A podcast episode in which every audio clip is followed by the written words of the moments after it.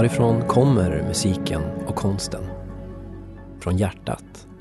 Eller från själen på den som skapade den? Är konst och musik ett uttryck för en mänsklig känsla? Ett sätt att eh, kommunicera bortom ord? Eller kan den uppstå på andra sätt? När jag lyssnar på Bon Iver, First Aid Kit eller eh, ser ett verk av Clara Lidén tänker jag att det är ett äkta och genuint uttryck av just den känsla artisten eller konstnären hade i kroppen när de skapade. Så förändrade förändrar det hur jag känner inför konst, musik eller teater om jag vet att den är skapad av en dator. När jag hör eller ser något jag gillar spelar det någon roll om det är komponerat av en AI eller av en riktig människa. Det pratas överallt om hur AI påverkar våra liv. Idag tänkte vi bland annat prata om hur AI påverkar våra känslor. Välkommen till Kilander och Björk och vårt avsnitt om kulturen.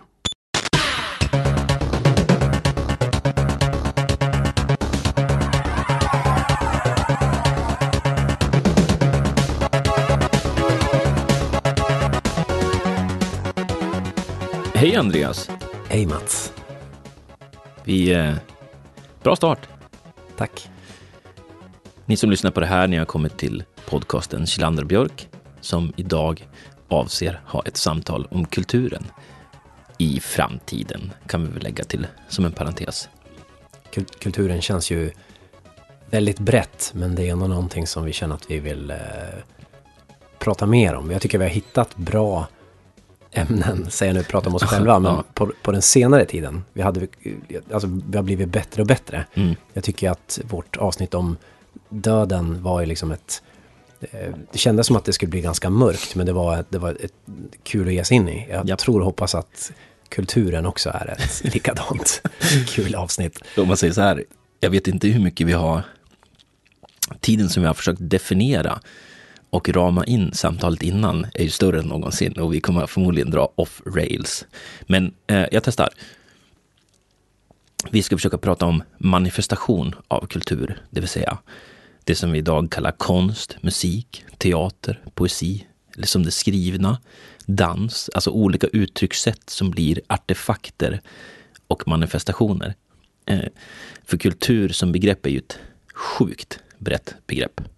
Är du med Andreas? Helt med. Och eh, vi kommer inte klara det, men vi försöker. Så hela grundfrågeställningen det är hur i de krafter som formar världen just nu, vad blir, vad kommer vår kulturmanifestation vara då framåt? Digitalisering är ju en skit sån stor kraft. Det är pretty much det vi pratar mest om på vår podd. Men det finns ju fler. Det är ju urbanisering, globalisering, klimat är ju också stora krafter. Så vad blir det och hur kommer vi manifestera kultur i framtiden? Typ något sånt. Fan vad enkelt va? eh, ni som lyssnar kan lägga till det. Ni har ju kommit till en podcast då som försöker ha samtal om framtiden. Ämne för ämne bland annat. Det är ett sånt avsnitt ni har kommit till nu. Det kanske kommer att vara tre eller fyra delar av det här beroende på hur långt det här samtalet blir mellan mig och Andreas. Eh, vi gör ju också andra samtalstyper. Vi åker runt på konferenser och livepoddar och försöker ha spännande konversationer, samtal med människor som vill ta en aktiv plats i framtiden. Något sånt. Tack eh, Gustav Grefberg för snyggt intro. Ja. Och tack Andreas Kjellander, Creative Director, för snygg eh, eh, intro till ämnet. Tackar. Du, hur, vi, vi kör ju samma, liksom, vi bänder ju det här ämnet på samma sätt som vi bänder i andra avsnitt, som döden eller hälsan eller pengarna. Vad var eh, nu då kulturen igår? Mm. Vad är den idag? Och vad blir den imorgon, i Yes. framtiden? Och så försöker vi ha, ha någon form av eh, bärande frågeställningar för avsnittet. Saker vi vill bryta i. Och vi är förkylda. Så att, eh, ja. Eh, jag kör dem lite grann som vi, som vi pratade innan, så får vi redigera as we go. Eh, kan maskiner vara kreativa? Spelar det någon roll om det är en AI eller en människa som skapar musik, konst, teater, lyrik, poesi, ja, och så vidare? Eh, kommer AI förbättra eller kommer det försämra kulturen? Eller kommer den skapa en helt ny kultur? Mm. AI specifikt då? AI, AI tänkte jag där. Ja. Eh, förändrar digitaliseringen kulturen? Mm. Just det. Vad, eh, vad är kultur skapad av maskiner värd? Alltså subjektivt, mm. är jätteintressant. Eh, just för tänker jag det här med eh, det går väl lite in i, tycker jag, varför liksom kulturen tycker jag är så intressant att prata om. Just för att det är en chans att lite reflektera här. Vad är, mm. hur, vad är det att vara människa i den här tiden av liksom digitalisering och AI? Mm. Eh, men vad är, vad är kulturskapare av maskiner värd? Subjektivt eller kanske i andra mått mätt? Mm. Eh, vilken roll spelar kulturen i digitaliseringen? Och vi är fortfarande inne på den här liksom ganska då snäva definitionen av kultur. Mm. Alltså manifestationen av kultur. Som du så snyggt eh, uttryckte det här. Eh, blir kulturen mer individualiserad? Mm. Efter de här krafterna som vi, vi pratar om. Mm. Plattningen av eh, mainstream som du brukar prata om i andra, mm. andra sammanhang här. Eh, vilken roll spelar konst, musik och teater då, i framtiden? Eh, kommer vi konsumera kultur annorlunda 2050? Och hur, hur då? Har vi några mm. ledtrådar? Vad blir det? Vad blir det? och så, eh, kan ju tilläggas att vi har, eh, det tog lite tid för oss att baka upp avsnittet, så vi har ju fått lite respons utifrån när vi har ställt de här frågorna utåt. Eh, lite namn som ni har pekat på när ni har haft dialog med oss på Twitter och andra kanaler. Då. Eh, vi försöker väl fånga in dem också. Robotar som jag pekar på. Mm, framförallt. Ja. ja. Börja ta sig. Och som sagt, det blir ju ett AI-infekterat avsnitt gissar jag. Just eftersom vi är ju i någon form av crescendo hypemässigt kring AI. Kulturen har väl också lyfts fram om vi liksom eh, tittar liksom de här författarna eh, liksom, som det sista liksom heliga området. Mm. Där liksom, det sista kanske området som AI ska erövra. Är det, han, är det, är det Max Tegmark som har den här fina eh, geografiska, topografiska kartan? Mm. Där liksom mm. vi har tjänster som liksom är eh, minst hotad av, liksom, ersättas av robotar och automatisering. Och där är ju då kultur på en av de här eh, topparna. Det är väl eh, toppar, om man ser det, han, han gör liknelsen med berg och att vatten ska liksom, att vattennivån är AI-förmåga då.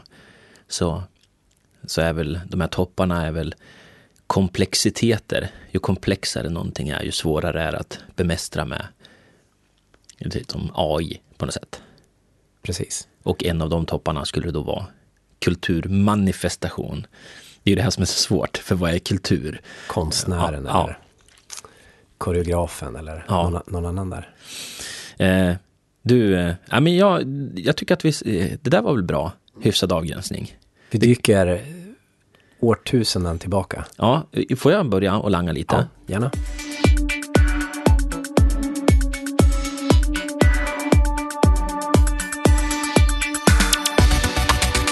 Nu när vi är ute och föreläser lite grann, Andreas, så brukar ju jag vilja rama in det i astronomisk tid.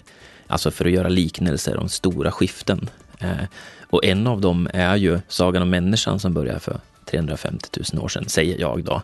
Men lämningar indikerar på det. Och homo, homosläktet som kom till för ungefär tre miljoner år sedan.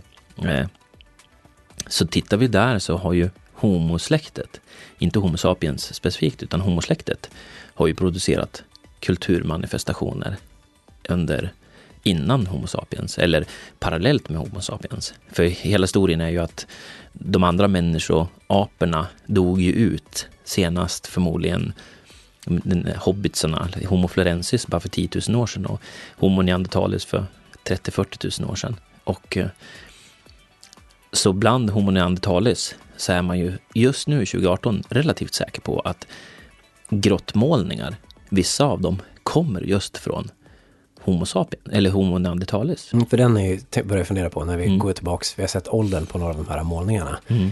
Vet vi vem som gjorde dem? Liksom? Nej, och, och, och framförallt så har man ju ganska precis brutit ett gammalt tankeparadigma att de, de var puckade. Homo neanderthalis. Eh, ganska 1900-talsmänniskan och 1800-talsmänniskan som satte sig själv som på någon form av pedestal kunde ju inte ens leva med tanken att Homo neanderthalis potentiellt skulle kunna vara intelligentare än vad Homo sapiens var. Eh, vilket det inte finns några bevis för den, utan snarare tvärtom. De har större hjärnor och, och, och så. Men är inte de som klarade utmaningarna då. Bättre, sämre på att jaga och på grottmålningar. Ja, man vet ju inte vilka kvaliteter det var man behövde Nej. för att överleva sig själv. Eh, utan att få gå för djupt i det så var ju vi stora populationer, Homo sapiens, medan neandertalis var mindre grupper, mindre komplexitet i samhällena, mer tribe. Och då, det kan ha varit en faktor, inte intelligensen, om man säger så. Nevermind. Det finns massor, de, de riktigt stora centrala lämningarna, där vi ser att man har försökt ge uttryck för någonting, är ju grottmålningar 30 000 år gamla ungefär. Mm. Och eh, i den mest målade grottan i världen, tror jag heter, ja, hur ska jag uttala det här? Det är i Frankrike. Mm. Eh, vi ska se. Heter den Chevre? Nej, det gör den inte. Men, men, men, referensen Frankrike, jag har ju hört något, alltså Frankrike, Indonesien, eh, Argentina, ja. det, det, är lite sådana platser där man, man hitta, hittar, hittar lämningar. Ja. Eh, Las Croix grottan. Right. Chevre är ju en ost. Stor skillnad. Men den här målningen då? För nu, nu kommer vi in på, det här är ju den definition som vi använder oss nu av kultur i det här avsnittet. Vad, ja. vad, vad ser vi på målningen? Ja, men typiskt om vi tittar på grottmålningar, eh, och som sagt, det här, nu får, får vi ju lekmannaversionen. Eh, Wikipedia, YouTube, lite tilläggs. Eh, det är ju målningar av en samtid. Det är ofta fysiska, riktiga ting som man beskriver. Det är ju väldigt mycket färre antal liksom abstrakta saker. Eh, mina ord då, mer abstrakt i Australien. Alltså händer, eh, flummiga saker, spiraler, abstrakta ting där än i kulturen i Europa. Mm. Alltså, eh, om vi tittar då. Eh, för du säger det, man, vi, vi börjar med grottmålningar. Eller det de vi har hittat. Mm. Teater kanske inte liksom kunde liksom bevaras på samma snygga sätt som skyddade liksom grottor. Om vi nu spelar teater för varandra. De USB-minnen från den tiden är inte... Eh, hur, hur, eh, Fanns det någon... Alltså var, varför började vi, varför började vi eh, med det här? Höll vi på med det här? Eller hade vi tid att... Var det först nu liksom inse att vi inte hade... Kunde vi börja liksom reflektera över oss själva? Så ska jag väl uttrycka det. Är det då vi börjar liksom måla? Eh, när vi har liksom lärt oss att samla grejer, när vi inte måste vara ute på i skogen och jaga hela tiden. Eller vad vet vi om det? Ja, jag vänder den tillbaks. eh, Maslows behovspyramid.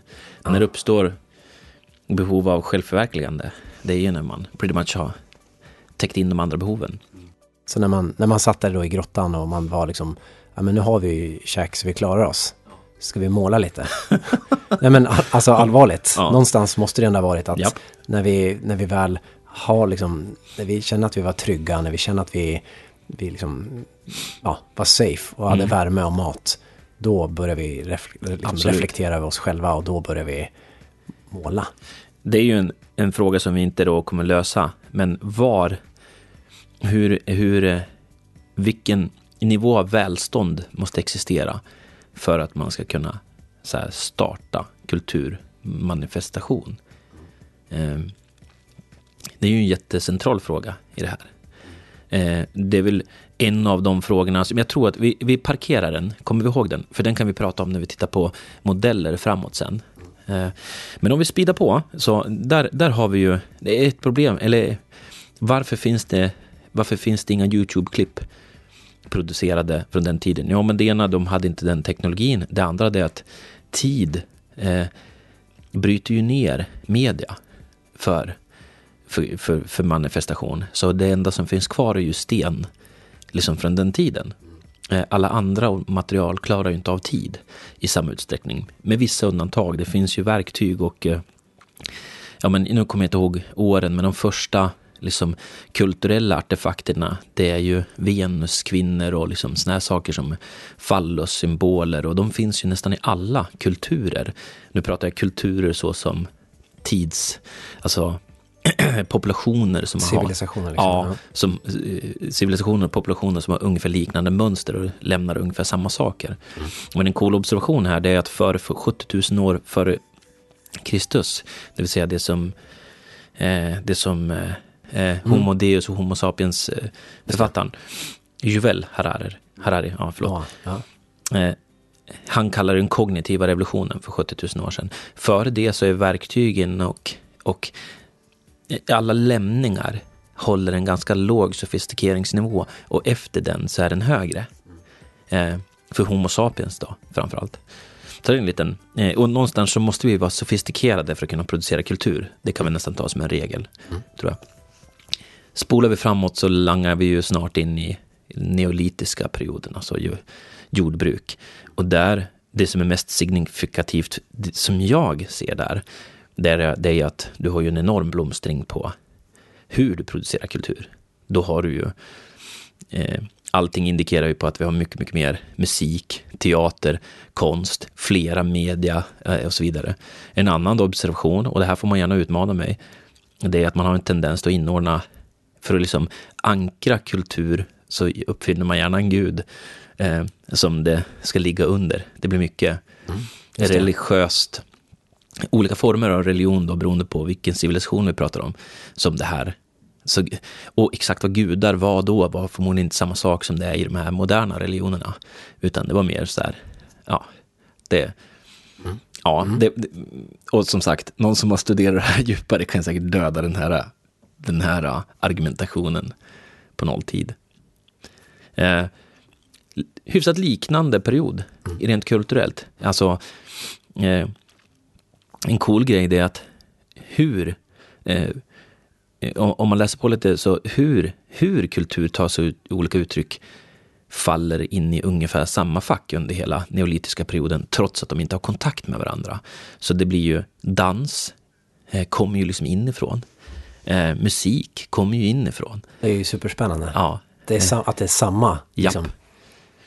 Och det här, eh, det här kan man ju falla in i en, in i en oändlig YouTube-spiral.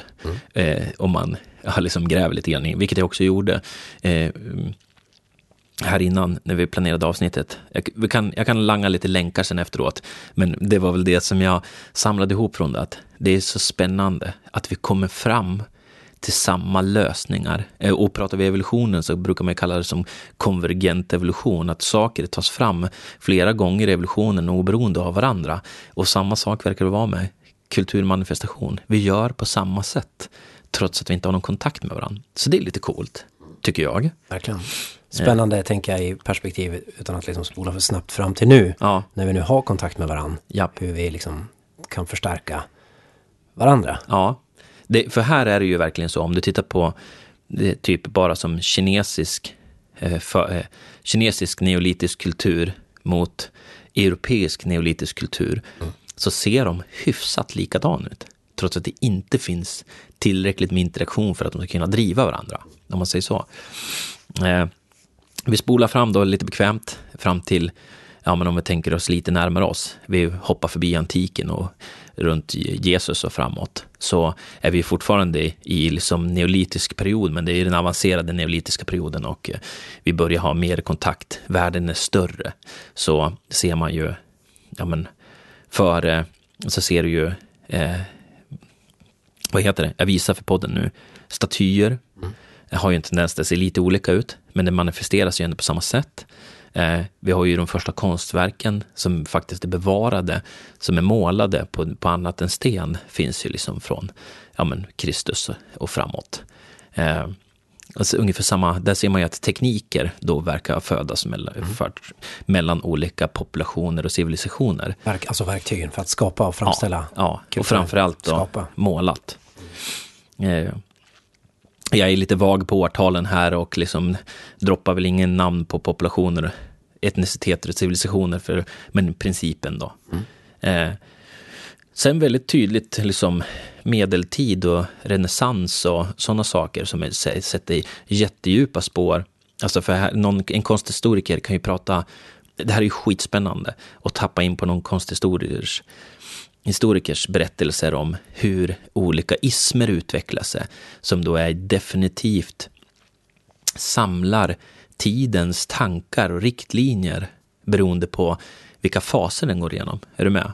Mm. Eh, går väl inget djupare in i det, men det är väldigt tydliga så här, skiften i tänkande som, representer som representeras då. Som expressionism skulle inte ha kunnat uppstått någon annanstans än liksom tidigt, nu kommer jag inte ihåg, slutet 1800-tal, tidigt 1900-tal, eller om det är mitten på 1900-talet, nevermind, för att de idéerna hade inte fått fäste i en annan, en tidigare kultur. Är du med? Ja, men som en, som en spegling av liksom samtiden mm. på något sätt. Det, för, för det blir ju väldigt tydligt nu, framförallt när vi får mer information. Ja, men exakt. Eh, jag, säger, jag tänker lite längre fram nu, men jag mm. tänker just den, det är ju lite spännande perspektiv att ta med sig när vi nu ska prata framtiden mm. lite längre fram. Mm.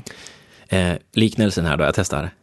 Eh, så om samtiden är operativsystemet och idéerna och eh, kulturmanifestationerna blir ju appar, så kommer man ju inte att kunna installera vissa typer av appar i vissa operativsystem.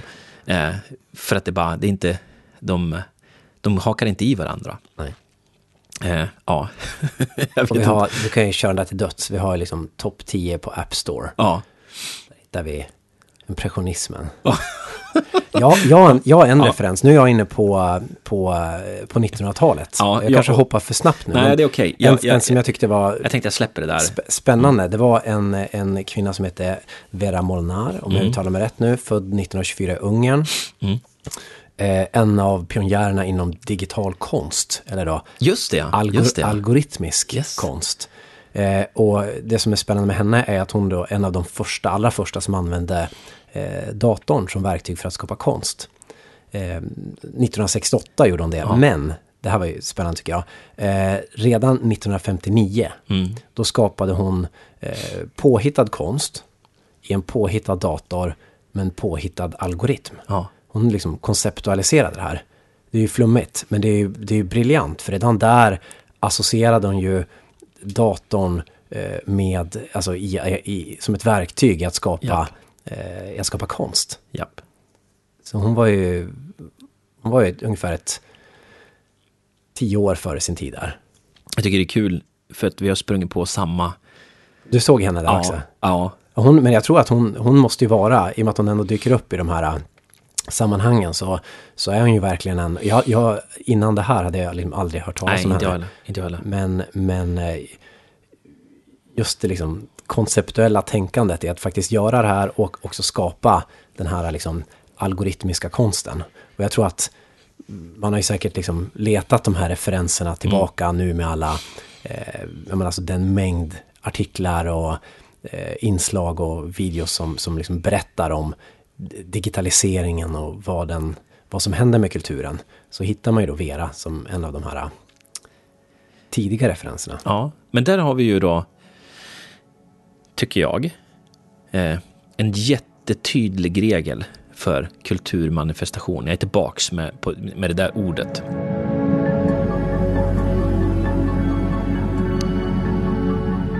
De som har det här i sig, de kreativa, de använder ju samtidens verktyg, det som står till buds för att få utlopp för det. Det är det som, det är det som langar med olika ismerna också.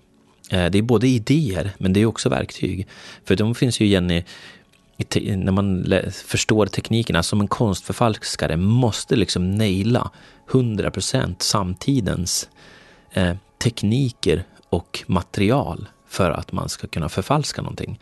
Och eh, så, eh, så ja, en, en fråga där då. Är, är det någon, är, blir det verkligen på något sätt annorlunda? AI och digitalisering och datorn som verktyg, det blir bara ytterligare en teknik för att Ja men det är precis, verktyg och det där är ju tycker jag spot on redan nu. Ja. Så här tidigt in i avsnittet Mats. Vi kan stänga av nu. Ja, vi. I att faktiskt, eh, att inte kunna liksom vifta bort eller skämta bort de här teknikerna i liksom eh, i framställande framställandet av kultur. Just mm. för att det är vår, liksom, vår samtids eh, konstnärliga verktyg. Ja. Precis som, som, som vi historiskt har sett i liksom, att utveckla nya, nya ismer. Ja. Den enda skillnaden, den enda acceleratorn, eh, shit, vi är redan här. Digitalismen. Ja, men det är ju att vi potentiellt också förstärker oss själva. eh, under den här fasen. Beroende på vad det är för typ av framtid som vi tuggar oss in i. Men om den blir, eh, om den blir transhumanistisk, vilket allt, om vi tar tangenten på alla ut, riktningar, så kommer vi, eftersom vi är ganska förälskade i mobiltelefonen nu, det är ju inte orimligt att vi vill ha in den i kroppen för att vi är ännu mer kära i den i framtiden. Och då kommer vi också vara någonting annat. Då är det ju inte Homo sapiens som producerar kultur längre. Och det kan ju disrupta liksom den linjen då, att vi alltid tar våra, vår samtid och våra verktyg för att producera kultur. Shit, vi är redan off rails. Ja. Eh, jag tänkte du ska få lyssna på en grej. Mm. Men vi är, vi är fortfarande i historieblocket va? Eh, I gårblocket. ja, det kan vi, ja, men det kan vi vara. Eller vill du, vill du lägga till någonting där? Om det så att det är en övergång här. Nej, men kan, jag kan försöka sammanfatta. Eh, vi pratar ju typiskt om, eller som jägar-samlartiden, eh, jordbrukstiden, industrialiseringen och så imorgon digitaliseringen, som att det skulle vara stora skiften. Och eh, vi har egentligen hittills inte sagt att vi har inte disruptat sättet som vi producerar kultur historiskt, utan det är, vi är överens, du och jag, att vi tar, som konstnär tar vi det som står till buds och, eh, eh, och eh, den konst vi producerar uppstår ur vår samtid, även om vi producerar abstrakt skit eller kubism eller expressionism eller någon annan liksom riktning, så är det idéer som ligger i tiden som då hamnar på canvas eller andra material, typ. I kulturens App Store. Ja. Hej begrepps-Ove. Ja, bra. Nej, men så nu kan jag lyssna. Då stänger vi igår, igår där. Eh, Bra.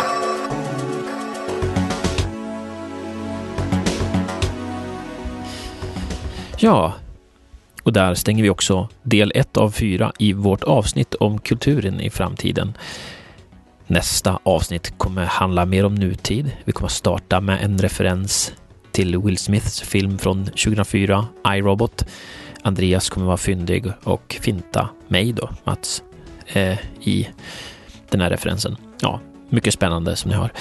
Tack för att ni har lyssnat så här långt. Häng gärna på nästa del också i vårt avsnitt om kulturen i framtiden. Tack, hej!